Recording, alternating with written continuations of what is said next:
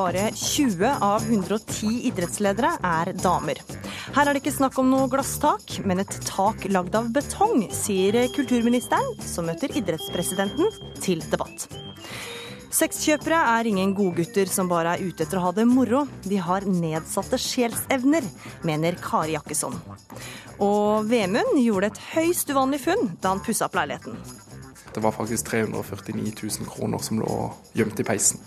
Hva ville du gjort om du fant det samme? Ja, Du hører på Ukeslutt her i NRK P1 og P2. Jeg heter Gry Veiby. Og i denne sendinga skal vi også kose oss med smågodt, for nå er det rekordlave godteripriser. Totalt uansvarlig av butikkene, mener samfunnsdebattant. Vi styres av hva kunden vil ha, svarer Coop. Men vi starter denne sendinga i Holmenkollen, for i går tok Norge et sensasjonelt gull på kvinnestafetten i skiskytter-VM. I dag er det guttas tur, og kollega Andreas Hagen, du er på plass i Kollen. Er det lov å håpe på en ny sensasjon i dagens herrestafett? Ja, Du sier jo at det var en sensasjon i går, og det var det jo for så vidt. I dag så er vi en av de store gullfavorittene. Det er liksom i dag vi skal ta stafettgullet, så, så, absolutt, det har vi lov til å håpe på. Og allerede nå, selv om det er tre timer til denne stafetten starter, så går det altså tog med folk opp hit fra T-banestasjonen opp til stadionanlegget i Holmenkollen. Så om det var trøkk i Kollen i går, ja, så blir det garantert det samme i dag. Vi gleder oss selvsagt veldig. Vi skal snart tilbake til deg, Andreas, og ut i løypa i Holmenkollen litt seinere i sendinga. Men først. I går sikra altså damene nok en gang norsk gull, men at kvinner skal drive med sport, har ikke alltid vært en selvfølge.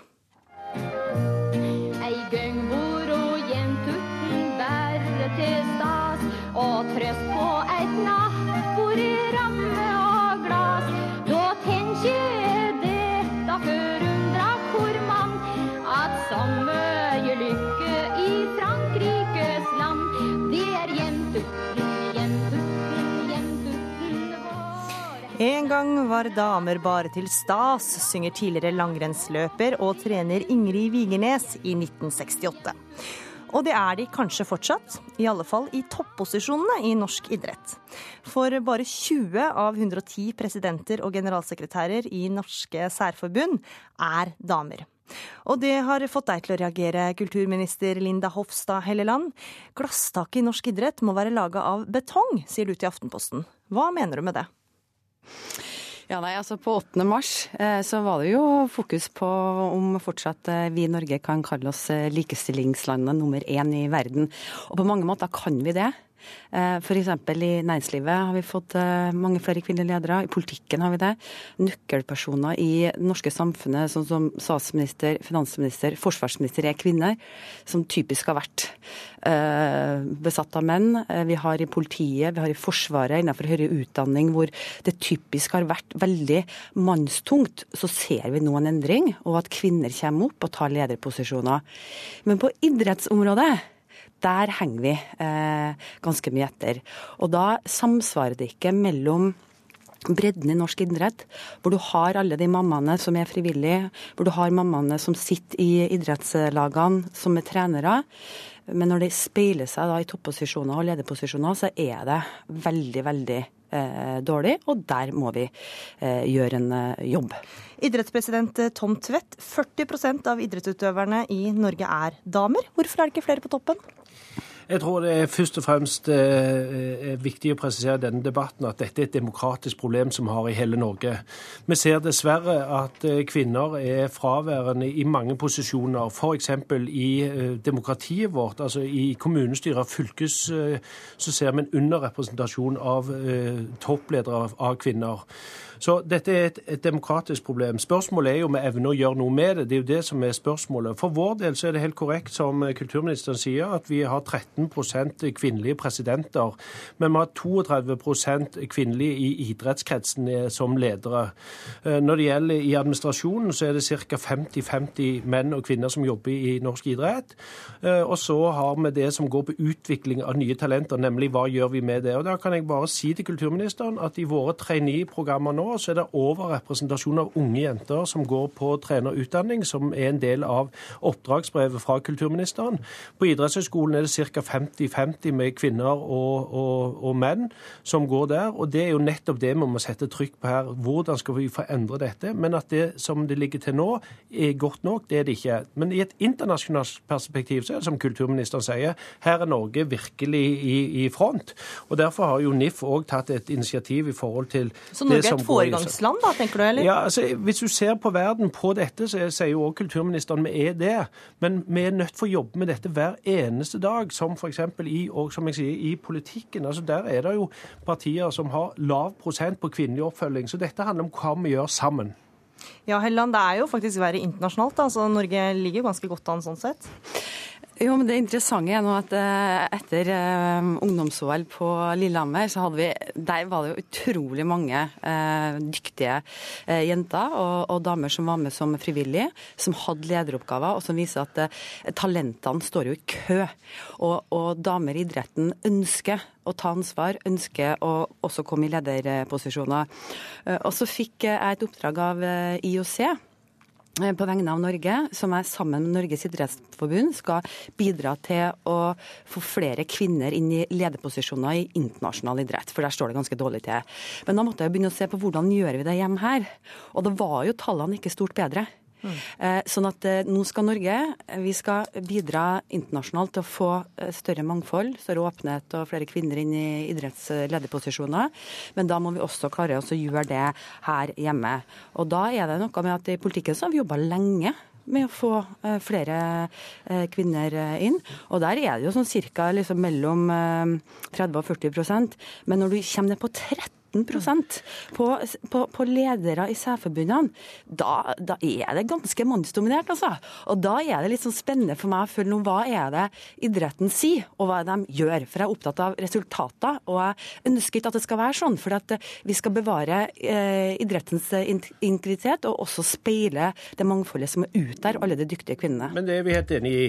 Vi skal speile vår medlemsorganisasjon. Vi er en fri organisasjon uh, som sånn sett skal speile den. Det er jeg helt enig i, Linda.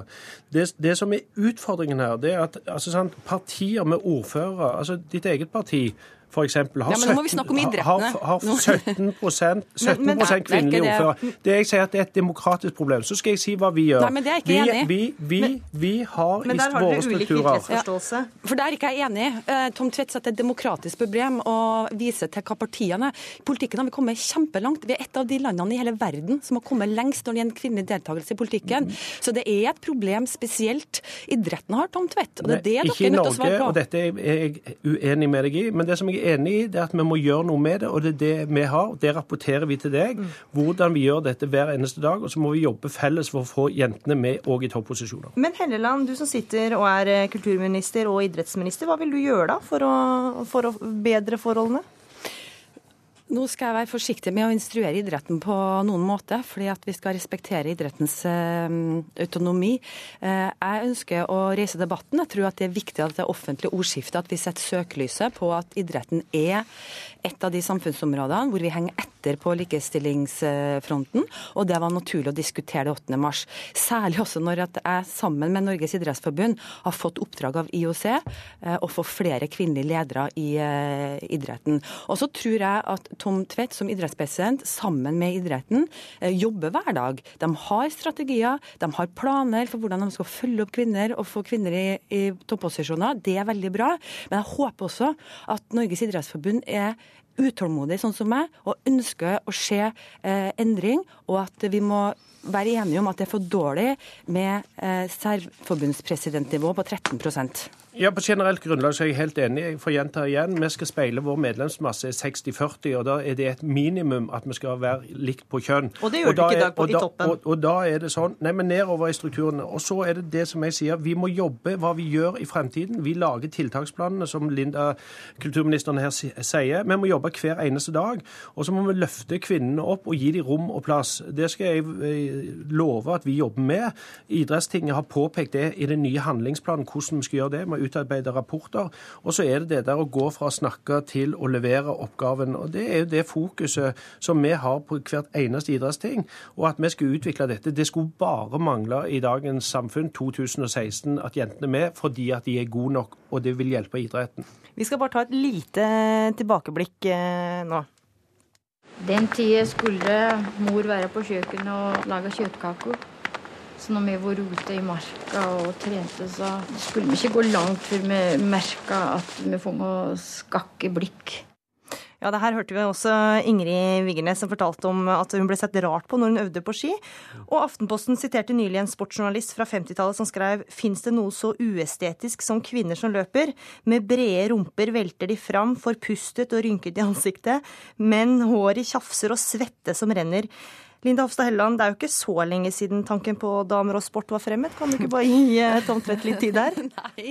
Nei, nei. Tom Tvedt vet at jeg er utålmodig, og det jeg kommer til å puste i nakken om så lenge jeg sitter som idrettsminister, for at jeg vil se flere kvinner i lederposisjoner. Og det, det er jo veldig rart, for at noen av de fremste idrettsutøverne som vi har i Norge, som er våre fremste ambassadører og rollemodell for ungene våre, for jenter som vokser opp nå, det er jo nettopp kvinner.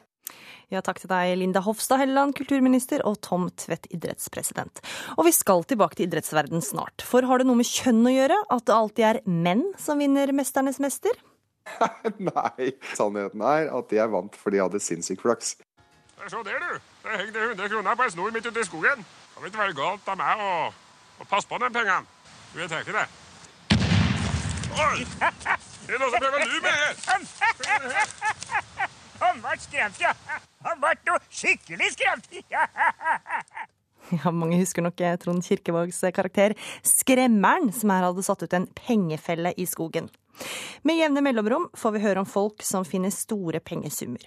Noen snubler over eh, store pengebeløp, og andre finner verdifulle gjenstander på de merkeligste steder. Hva ville du gjort dersom du var den heldige finneren av store verdier? Ville du beholdt alt sammen, eller gitt det fra deg? Ukeslutts reporter Brage Berglund har møtt en som havna i akkurat det dilemmaet denne uka.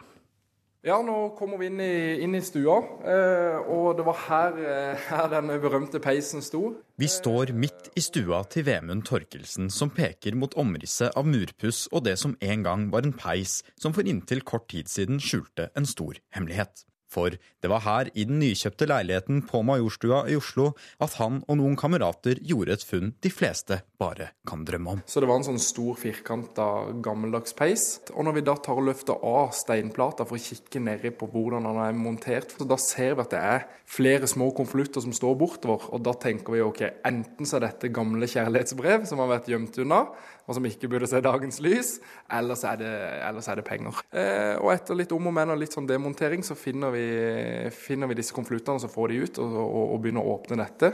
Det var faktisk 349 000 kroner som lå gjemt i peisen. What would you do if you found don't find that kind of money just lying on the street. A million dollars. Just did. I filmen 'Money for Nothing' finner skuespiller John Cusack millioner av dollar mens han arbeider på en kai. Han ville beholde pengene for seg selv, men hva ville du gjort? Se for deg at du får øye på 50 000 kroner liggende i veikanten. Du ser deg rundt, og det er ingen andre i sikte. Hva gjør du med pengene? Nå høres det kanskje veldig klisjé ut, men jeg tror faktisk jeg hadde gått til politiet. Jeg hadde følt det var så skjult kamera, om jeg er snill eller uh, fæl. Jeg hadde vært kjempeslem. Jeg hadde reist eller noe, tror jeg. Frelsesarmen. Hun støtter alltid Frelsesarmen. Fallskjermsertifikatet. Jeg hadde vel tatt alt. Jeg tror ikke jeg hadde gått til politiet. Jeg hadde gått inn i den vanlige pengehusholdningen, kanskje. Jeg ville brukt det på en ferie. Et varmt sted. Nå tror jeg har gått til politiet med deg. Ganske enkelt og greit, ja. Ja, noen velger å levere inn tingene de finner. Og da kan de ende opp på steder som NSBs hittegodskontor på Oslo S. Ja, Nå er vi på vei inn på lageret vårt, hvor hittegodsen kommer inn fra togene. Her ser du det er jo line up gud hjelpe meg hvor mye poser som helst. Med nye klær, brukte klær, alt det du kan Nokas-vekteren Arne har jobbet i ni år på NSBs hittegodskontor. Og hver måned leverer ærlige finnere inn ca. 1600 ting av ulik verdi. Og blant haugene av mobiltelefoner, skinnhansker og paraplyer dukker det også opp noen mer sjeldne ting i ny og ne. Eh, vi får inn 100 katter og kaniner og fugler. og Tarantelledderkopp har vi fått inn. Fiolin som visstnok var vært 100 000. Og så hadde vi en klokke som hadde verdi på 60 000. Ellers er det også litt sånn høreapparat, gebiss og en del sånne som man kanskje skulle tro folk huska. Opplever du at det er mange ærlige folk der ute som leverer inn ting de finner? Ja, stort sett så er det jo det. Er det noen som eh, kommer med den kjente frasen eh, 'det er godt å se at det fremdeles finnes ærlige folk der ute'? Den hører vi flere ganger i uka.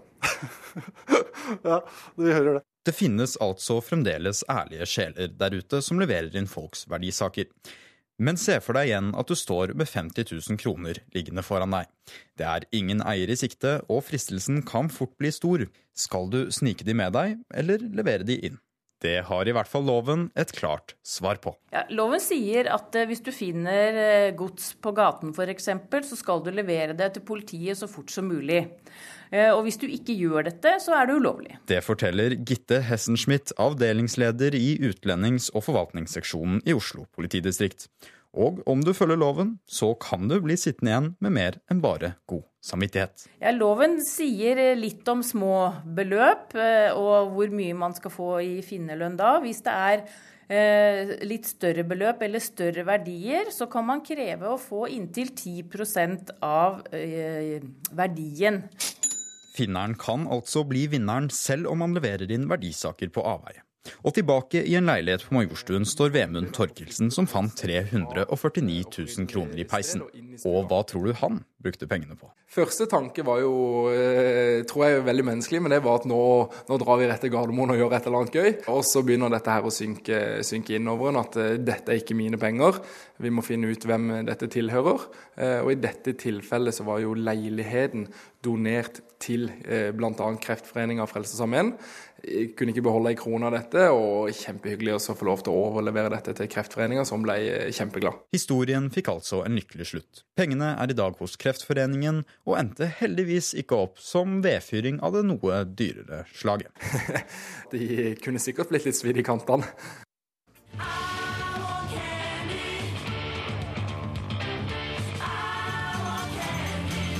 Priskrigen på smågodt er farlig for folkehelsa, mener Diabetesforbundet.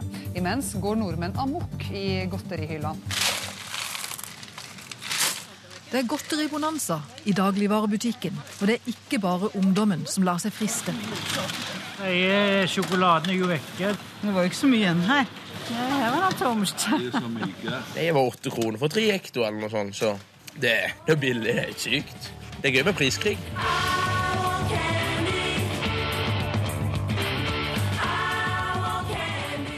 Ja, Gøy med priskrig kunne vi høre på Dagsrevyen denne uka. For eh, godtemomser har det vært en eh, veldig fin uke. I dag er prisen på ett hekto smågodt 2,90. Så da byr vi på godteri her i ukeslutt. Her har jeg en pose med krokodiller, sure føtter, speilegg og sjokoladetopp med strø. Kjededirektør i Coop, eh, Håvard Jensen, hva er din favoritt? Jeg er veldig glad i sjokolade. Den aller beste sjokoladen er vel bringebærsjokolade fra Nidar. Jørgen Foss, samfunnsdebattant og tidligere leder av Landsforeningen for overvektige. Du er med oss fra Tyholt og får dermed ikke smake smågodt her, her fra studio. Hva syns du om at Håvard Jensen tilbyr smågodt til 2,90? Um jeg må jo si at jeg, jeg, skjønner jo først må jeg si at jeg skjønner jo at folk reagerer og tenker at dette er veldig positivt. Og på kort sikt så er det sikkert veldig, syns folk at det er veldig morsomt å, å, å kunne kjøpe godteri til 2,90. Men, men, hvis man ser dette i et lengre perspektiv, så er det sånn at nesten halvparten av alle dødsfall under 70 år i dag, det skyldes altså usunt kosthold. Og 1000 mennesker får altså diabetes 2 type, type 2 hver eneste måned. Dette er veldig alvorlige tall, og da mener jeg at det som, det som foregår nå, det er faktisk faktisk med på å ta livet av nordmenn. Ja, Hva er ansvaret til kjeden her, da, Foss?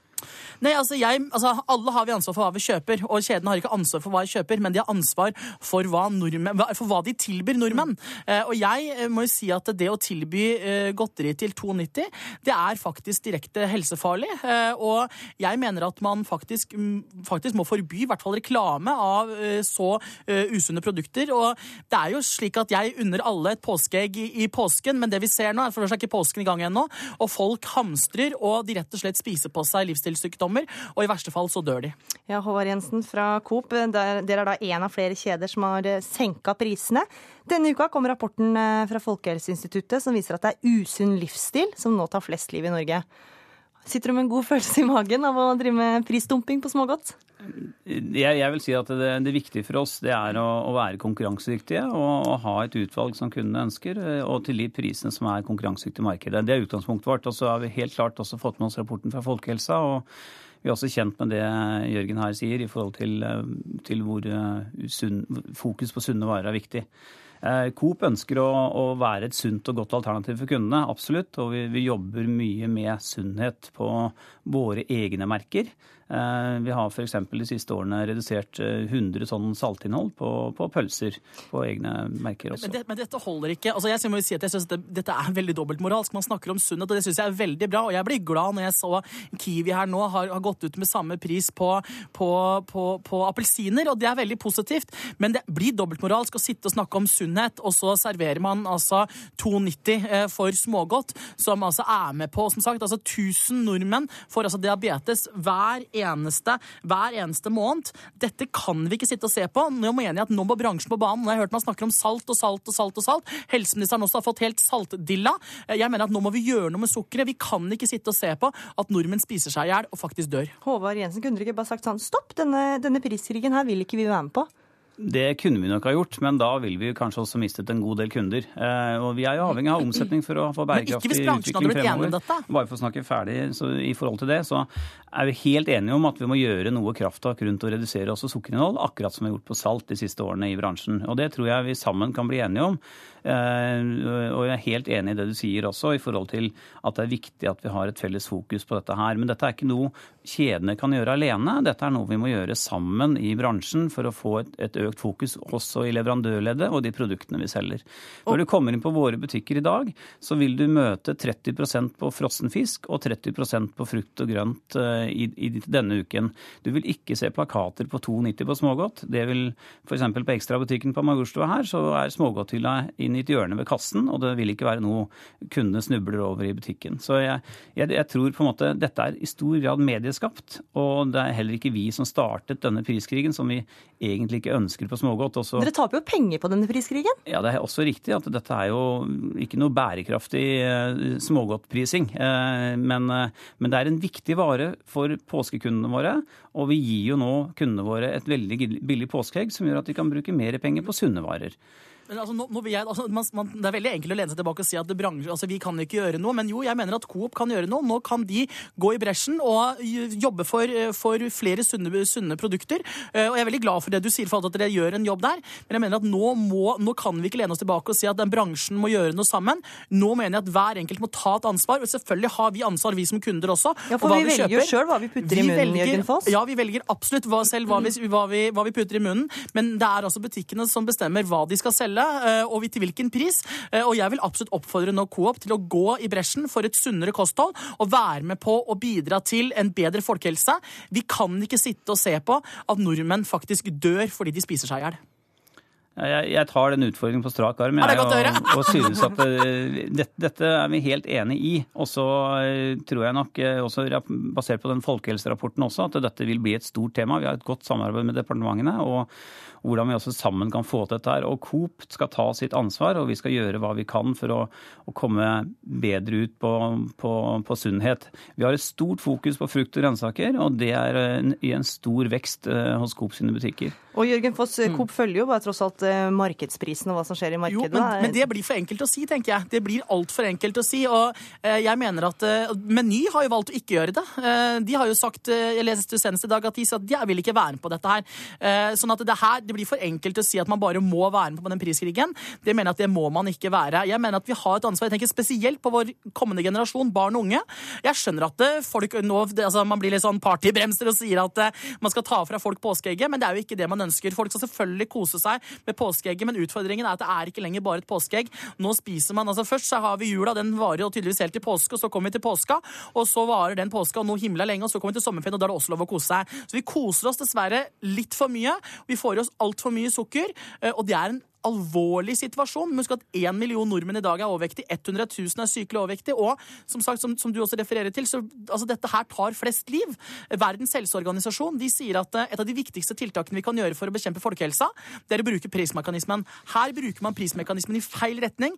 Man må senke prisen på de sunne produktene, og så må man øke de på de usunne. Helt, helt, kort til slutt, Håvard Håvard Ja. Jensen. Neste påske, er det, er det godterisenking eh, i Coop da? Det kan jeg ikke garantere at det ikke blir, men det er helt sikkert at det kommer til å skje i Coop fra mandag av. Det er at vi selger gulrøtter til samme pris i Extra Ops som smågodt. Da, da, fikk du, da fikk du en litt reklame helt på toppen her. Takk for at dere var med i Ukeslutt, Jørgen Foss og Håvard Jensen. Du hører på Ukeslutt, og det må du fortsette med. Sexkjøpere har nedsatte sjelsevner, mener Kari Jakkesson. Unyansert og skadelig for debatten, svarer han som hjelper de som kjøper sex. Og kan 'Mesternes mester' vinnes av en kvinne, eller er hun dømt til å tape i konkurranse mot en mann? Vi testa en topptrent dame og en topptrent mann. Yes.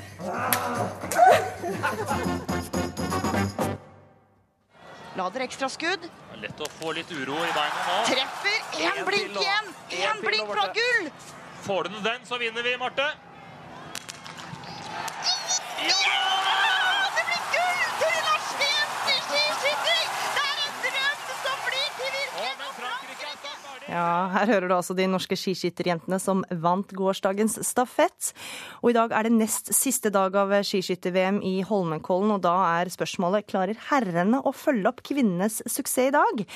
Kollega i NRK Radio Andreas Hagen, hvordan er stemninga i Kollen noen timer før mesterskapet? Det er imponerende faktisk, eh, fordi at eh, allerede nå, to og en halv time før eh, starten på herrenes stafett, så er det godt med folk på tribunene her i Holmenkollen. Da må jeg si, da er folk tålmodige. Folk har kommet hit til Holmenkollen i dag med store forventninger. Vi hørte jo dere spilte av fra jentenes overraskende og veldig gledelig gull i går. I dag så er gutta eh, store favoritter til å ta gullet. De har på papiret det aller beste laget med Ola Einar Bjørndalen, Tarjei Bø, Johannes Tingnes Bø og Emil Hegle Svendsen. Men eh, det er på papiret, så skal de jo ut og gå eh, her, selvfølgelig. Eh, Men, men i dag så er det nok en forventning om at Norge skal ta gull, i motsetning til i går, hvor det kom som en veldig stor og gledelig overraskelse. Det er flere tøffe konkurrenter her. Selvsagt Frankrike, som da har mannen som jo da er VM-kongen til nå, og som blir det uansett egentlig utfallet av dagen i dag og morgendagen. Martin Fourcade. Frankrike er favoritter med han på laget, har tre andre gode løpere. Russland er en favoritt, og også Tyskland og Østerrike er bra. så dette blir nok garantert spennende for de titusenvis av tilskuerne som eh, kommer til å følge dette her i Holmenkollen. Kollega Kristine Norvik Skeide er ute i sporet på det som tidligere het eh, Gratishaugen. Der står du sammen med noen Kristine, som eh, antageligvis har så å si perfekt utsikt til stafetten i dag. Ja, Man skulle jo tro at perfekt utsikt var å sitte liksom helt klint opp til standplass på tribunen. Men for noen som har tatt turen ut i skogen, så har de faktisk funnet enda bedre plasser. For de har med seg noen sånne jeg vil kalle oppblåsbare eh, lenestoler. De er kjempestore. Og Truls, er de myke, eller? Veldig myke. Behagelig å sitte i når du skal nyte et flott arrangement i Kollen. Du sitter her sammen med ja, dere er vel en ti-tolv venner her. Eirik, eh, du sitter og koser deg med noe godt i koppen, tror jeg? Ja, det er iste. Heimelaga iste. Du, Hvor tidlig har dere vært på plass her i skogen? Her halvtimes tid tenker vi kom. Nærmest nå. Time, times tid. Tida flyr når man har det gøy. Ja. Du, Hvorfor har dere valgt å være her ute og ikke på tribunen der det er tusenvis av folk? Nei, Vi er skogsfolk, rett og slett, så vi trives ikke i den store folkemengden. Og så ser jeg her at dere har stått og fulgt med litt på listene. Det ble jo et overraskende gull i går. Hva tror dere om dagens eh, stafett? Nei, Vi har litt trua på Østerrike i dag, da. Eh, Norge har en trønder på siste etappa, så det kan bli jævlig vanskelig. Det har vært en romsdaling, så kanskje vi kunne gått for gull. Og dere sitter jo sånn at dere ser dem ute i sporet. Hvordan kommer det til å høres ut når de passerer dere her litt senere? Ja, Det blir et himla liv. Da kommer Ola Kårstein til å hente fram alle han har. og løypa, så eh, blir det et himla show der nede. Gjengen i skogen er klar, selv om det fortsatt er litt tid igjen til rennet starter. Ja, Det er eh, to og en halv time igjen til herrestafetten eh, starter her i Holmenkollen. Men eh, vi i Radiosporten vi er på plass i P1 allerede 14.03. Vi har fremdeles gåsehud etter gårsdagen, og vi håper da at den gåsehuden holder seg gjennom denne dagen også. Da er det bare å ønske lykke til, og takk for at dere var med fra Holmenkollen. Du er verdensmester i landeveissykling. Det er en stor glede for meg å kunne si at du, nå er du også mesternes mester. Gratulerer. Tusen takk. Ja, Tor Hushovd gjorde en solid innsats og gikk til slutt seirende ut av Mesternes mester sist helg. Han fikk ikke hvile lenge på laurbærene før realityprogrammet fikk kritikk.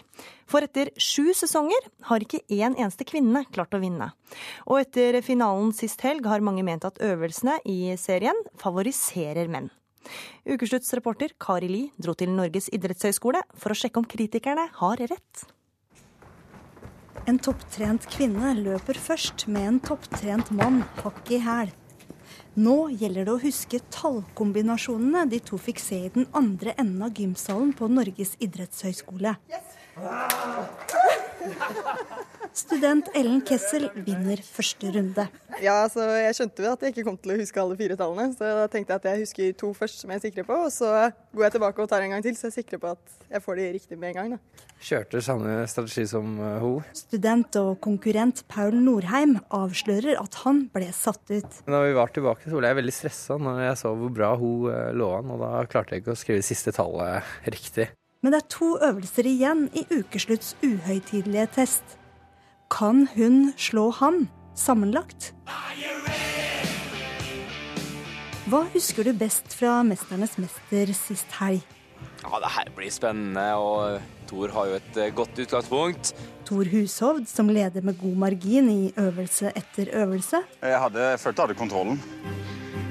Eller Vibeke Skofterud, som puster og peser langt etter gutta. Vibeke klarte bare 67 lengder. Hun ryker ut der. Dårlig på sånn start og stopp, altså. Så det var bare at jeg ikke var kjapp nok. Når Vibeke ikke vant nå, da skjønner jeg ikke hvem som skal klare å vinne av de kvinnelige utøverne. Jorunn Sundgodt Borgen er professor ved Norges idrettshøgskole. Hun mener det ikke er tilfeldig at menn har vunnet 'Mesternes mester' sju år på rad. Det er virkelig forskjell på mannlige og kvinnelige utøvere, selv om de er godt trent. For uansett om de trener eller ei, menn orker mer enn kvinner. De er fra naturens side 50% sterkere i overkroppen og 30% sterkere i beina. Og med mer blod i kroppen tar menn opp mer oksygen enn kvinner.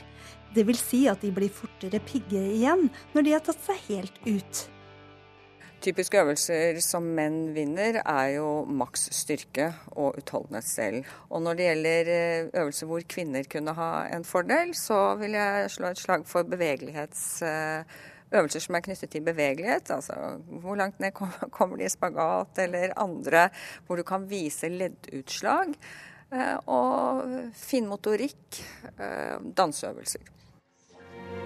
danseøvelser. Det kan høres ut som en fødsel. Men dette er Anette Sagen, som bakser med en 60 kilo tung ball i oppoverbakke. Herregud! Ja, det var vondt å se på. Det må jeg bare ærlig innrømme at eh, den var forferdelig. Marco El Safadi vant 'Mesternes mester' i 2014. Du, du konkurrerer over 30 konkurranser og vil ha noen fordeler noen ganger og enorme ulemper andre ganger. Så Sånn er på en måte sjarmen i 'Mesternes mester'. Du er god i mye, og så er det noe du ikke kan. Tenker du at det er tilfeldig at kvinner ikke vinner? Det er litt tilfeldig, og så er det selvfølgelig alltid en, en greie med fysikk når det kommer til mann-kvinne-konkurranser. Da vil det være eh, en liten fordel å være mann. Å lempe på reglene for å få kvinner til å vinne, det vil du ikke være med på. Nei, vi må, må ikke finne på å lempe på regler, for da fornærmer du folk. Altså, de, Disse jentene er kapable til å konkurrere på toppnivå, og de er ikke noe særlig glad i, eh, i forskjellsbehandling. Er det noen som sier til deg at uh, du vant fordi du har uh, riktig kjønn? Altså at du er mann? Nei, det er det ingen som har sagt, fordi at sannheten er at jeg vant fordi jeg hadde sinnssyk flaks. Tre minutter er gått av øvelse to. Ellen og Paul henger etter armene i hver sin stang oppunder gymsaltaket. Jeg glapp den. Ellens tak glipper, og Paul vinner. Nydelig. Takk. Nå er stillingen 1-1, og det er bare én øvelse igjen. Ja, det ble litt, vi fikk litt sånn pendel da vi hoppa ned fra de puffene. Og så da ble det litt glatt når den gikk fram og tilbake. Jeg er helt enig, men så går det som det går, da. Dessverre. Menn er sterkere enn kvinner. Det er, vi kan ikke komme bort fra det, altså. Tidligere løperdronning Ingrid Kristiansen røyk fort ut av 'Mesternes mester' i 2014.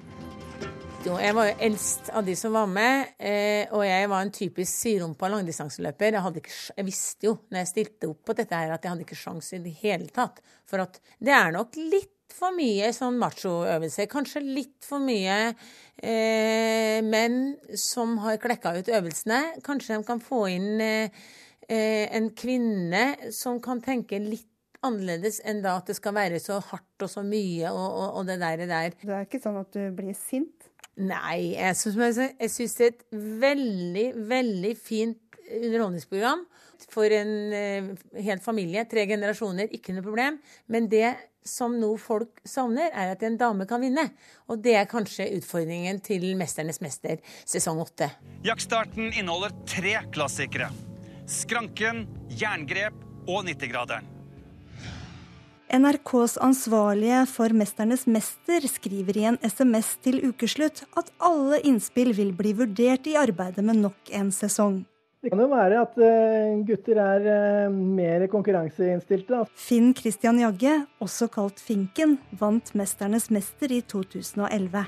Det er klart at mange av styrkeøvelsene er jo enklere for menn, selvfølgelig, selv om de prøver å tilpasse det. Så Du tenker ikke at det innebærer at de må endre det?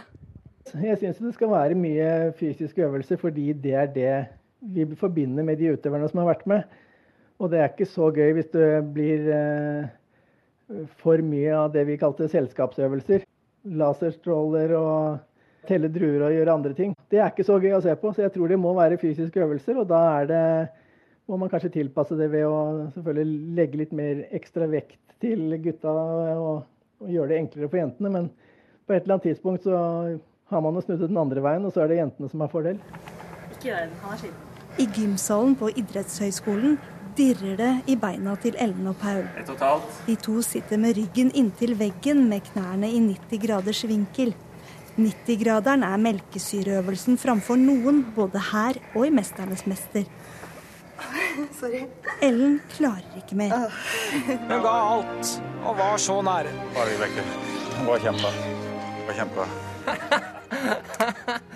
Gutter er jo sterkere enn jenter, altså sånn, hvis man er på ca. likt treningsnivå. Eh, og det samme for kondisjon også. Så hvis man ikke blander inn noe taktikk, så er det jo ganske tydelig at noen har en fordel, skulle jeg si. da. Eh, Den med å henge tror jeg er, var mye mer rettferdig enn denne her testen. For f.eks. jeg står jo en god del på ski. Og dermed så selv om Ellen har sterke legger, så fysiologisk så vil jo jeg komme best ut av det. Så eh, til syvende og sist så syns jeg denne konkurransen kanskje var litt urettferdig med tanke på Ellen. Vi må slutte å snakke om sexkjøpere som noen godgutter som bare er ute etter å ha det moro. En stor del av dem som kjøper sex, har nedsatte sjelsevner og bør omtales deretter. Det sier kvinnesaksforkjemper og prostitusjonsmotstander Kari Jakkesson til Dagsavisen denne uka. Og det skal du snart få høre mer om, men først skal vi høre fra en av sexkjøperne selv. For i et intervju med Ukeslutt i 2014 forklarte advokat og journalist Stein Erik Madsson hvorfor han kjøper sex. Ja, Nå har ikke jeg sittet og analysert det så nøye, men det, det var vel for å tilbringe noen eh, lykkelige minutter, eh, rett og slett. Eh, Og så var det bare at man, gikk rundt og blei kåt, kanskje, rett og slett. Hvordan var det å kjøpe sex? Ja, Det var helt ålreit, syns jeg. Det, det det var opp og ned, selvfølgelig, som det er med alt mulig annet. Noen ganger så får man en hyggelig opplevelse, andre ganger så er det ikke så bra. Hvor mye reflekterte du over hvordan kvinnene du gikk og kjøpte sex til, hadde det? Ja, eh, det er et veldig vanskelig yrke. Det er ikke noe tvil om det. Man oppdager jo eh, noen ganger i utlandet liksom at, at, at, at de har ikke enkelt i hverdagen. Tenkte du noen ganger at du kanskje var en av de som gjorde at eh, hverdagen der ikke var enkel? Nei, altså Jeg prøvde jo da å gjøre, gjøre det motsatte. Reporter var Sara Victoria Rygg. Kari Jakkesson, du, eh, mange som kjøper sex har nedsatte sjelsevner, eh, sier du. Hva, hva mener du med det? Ja, jeg har også sagt at, og skrevet at de, de må jo åpenbart uh, lide av en personlighetsforstyrrelse. Og da mener jeg jo ikke i den kliniske uh, sansen av, eller kliniske betydningen av det ordet. Jeg mener ikke å sette diagnose på det. Men når man innbiller seg at akkurat de Det er jo veldig vanlig at sexkjøpere innbiller seg at akkurat de er så snille og greie mot jentene. og ikke sånn som de andre drittsekkene. og Akkurat med dem så har egentlig kvinner litt eh, glede av dette her. og At man klarer å innbille seg alle disse tingene, det er jo en utrolig brist i empati, for det første, og et, et, et selvbedrag uten like. Eh, så jeg mener absolutt at vi skal slutte å omtale det med eh, sexkjøp som noe helt uproblematisk og noe menn bare gjør. Men dessverre så er det historien populærkulturen serverer hele tiden. Selv i helt sånne vanlige, til og med familieorienterte TV-serier, så foregår det kjøp av sex uten at det problematiseres. Og det er en gedigen eh, produktplassering fra sexindustrien. Det er ikke tilfeldig at det fremstilles på den måten. Så gutter og menn blir fortalt jevnlig at det å kjøpe sex det er noe helt uproblematisk og nesten noe naturlig og forventet av en mann. Og det må vi slutte med. Det er på tide å nyansere den debatten og få frem sannheten om hva sexkjøp egentlig dreier seg om, og hva sexkjøpere egentlig holder på med. Anders Røyneberg, du er prosjektleder for PKS, et helsetilbud for personer som kjøper sex ved klinikken Sex og samfunn. Og du reagerte kraftig på Kari Jakkessons sine uttalelser om eh, at de som kjøper sex, har nedsatte sjelsevner. Hva er det du reagerer på? Ja, jeg tenker det blir feil å eh, generalisere i den grad eh, Jakkesson gjør. Eh, de som kjøper sex, er en veldig variert gruppe. Eh, og de har ulike grunner til hvorfor de eh, ønsker å, å kjøpe sex. Ja, og, og, ønsker man å jobbe forebyggende, så tenker jeg det blir feil inngangsvinkel da, å si at noen er syke, har en diagnose og har svekkede sjelsevner. Mm. Ja, Kari Jakkesson, du er jo med på å sykeliggjøre en hel gruppe mennesker, da, eller stigmatisere en hel gruppe mennesker? Ja, men vi må huske at de som kjøper sex, er en minoritet av blant menn. Det er ikke alle menn som kjøper sex. De færreste menn kjøper sex. Eh, og selv om de oppgir forskjellige grunner til at de skal og rettferdiggjøring av at de kjøper sex, så har de det til felles at de faktisk går til det skrittet å trenge seg inn i andres kropper, som de vet bør vite, i hvert fall, all den tid 90% over 90% av prostituerte sier at de ønsker seg ut av prostitusjonen, så betaler de altså for å, for å, for å, for å begå disse handlingene. Eh, det er ganske velkjent at folk, eh, i hvert fall kvinner som er i prostitusjon, har en ganske vanskelig bakgrunn. Mange har vært utsatt for overgrep, og de blir også belønnet med godterier og penger. Så det, det disse kundene gjør, er egentlig å fortsette overgrepene, og da betale for det. For det er faktisk nesten ingen prostituerte som oppgir at de har lyst til å fortsette i prostitusjon. De ønsker seg bort. Men bare, jeg, veldig, jeg syns det er veldig flott at Sex og Samfunn har dette tilbudet. Og det er veldig viktig at sexkjøpere kan komme et sted hvor de ikke blir med fordømmelse. Man skal selvfølgelig ikke sy puter under armene på dem eller støtte den kriminelle handlingen de begår, men at de kan møte forståelse. Og jeg håper også at det vil bli etablert bedre og flere hjelpetiltak for de mennene som ønsker å slutte. For en del oppgir også at de ønsker å slutte, at de har fanget et slags avhengighetsforhold eh, til det å kjøpe sex. Så, så, så, jeg applauderer absolutt tilbudet fra Sex til samfunn. Røyneberg, er du enig med Jakkesson her at det er for unyansert bilde av eh, sexkjøperen? Eh, nei, jeg kjenner meg heller ikke igjen i det bildet Jakkesson skaper om at de blir omtalt som godgutter. Eh, fordi det er ikke det eh, inntrykket jeg sitter igjen i forhold til, til norsk media. Eh, så tenker jeg også det med å, å, demonisere en hel gruppe blir veldig feil.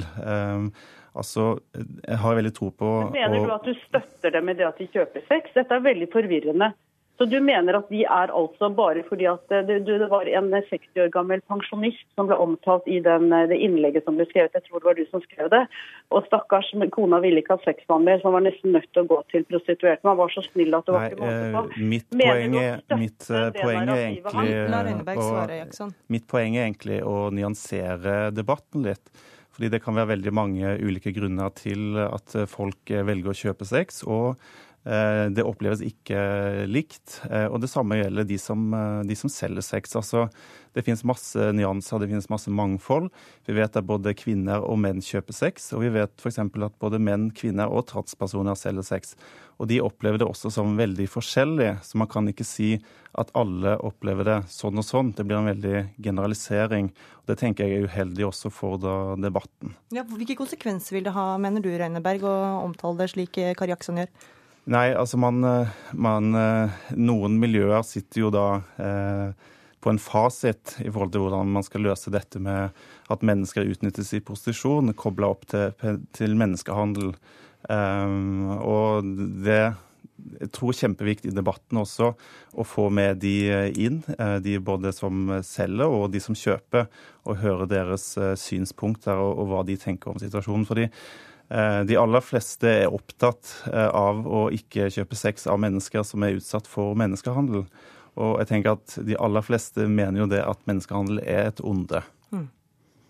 Ja, Jakkesson? Absolutt null. De har absolutt null mulighet til å forsikre seg om det. Det er jo helt umulig å vite om en person er utsatt for menneskehandel eller ikke. Det er det første. Og for det andre så går det ikke an å definere frivillighet eh, eh, som et sånt løst, isolert begrep. Man må se på omstendighetene der personer eh, ender opp i prostitusjon. Men heldigvis så er det jo nå forbudt. Det er faktisk forbudt å kjøpe sex, og samfunnet som helhet sier at dette er ikke greit. Og Derfor så er det veldig viktig at vi ikke omtaler det å kjøpe sex som noe normalt, naturlig og friskt. Det er heldigvis en minoritet av menn som kjøper sex, men det som de har til felles, de som gjør det, det er at de har et syn på kvinner som forbruksvare. Og det synet det er overførbart også på andre kvinner. Og de fleste kvinner ønsker ikke å omgås menn som er i en slik tilstand. Så dette skader også menn som har lyst til å etablere sunne, friske relasjoner med, med andre kvinner.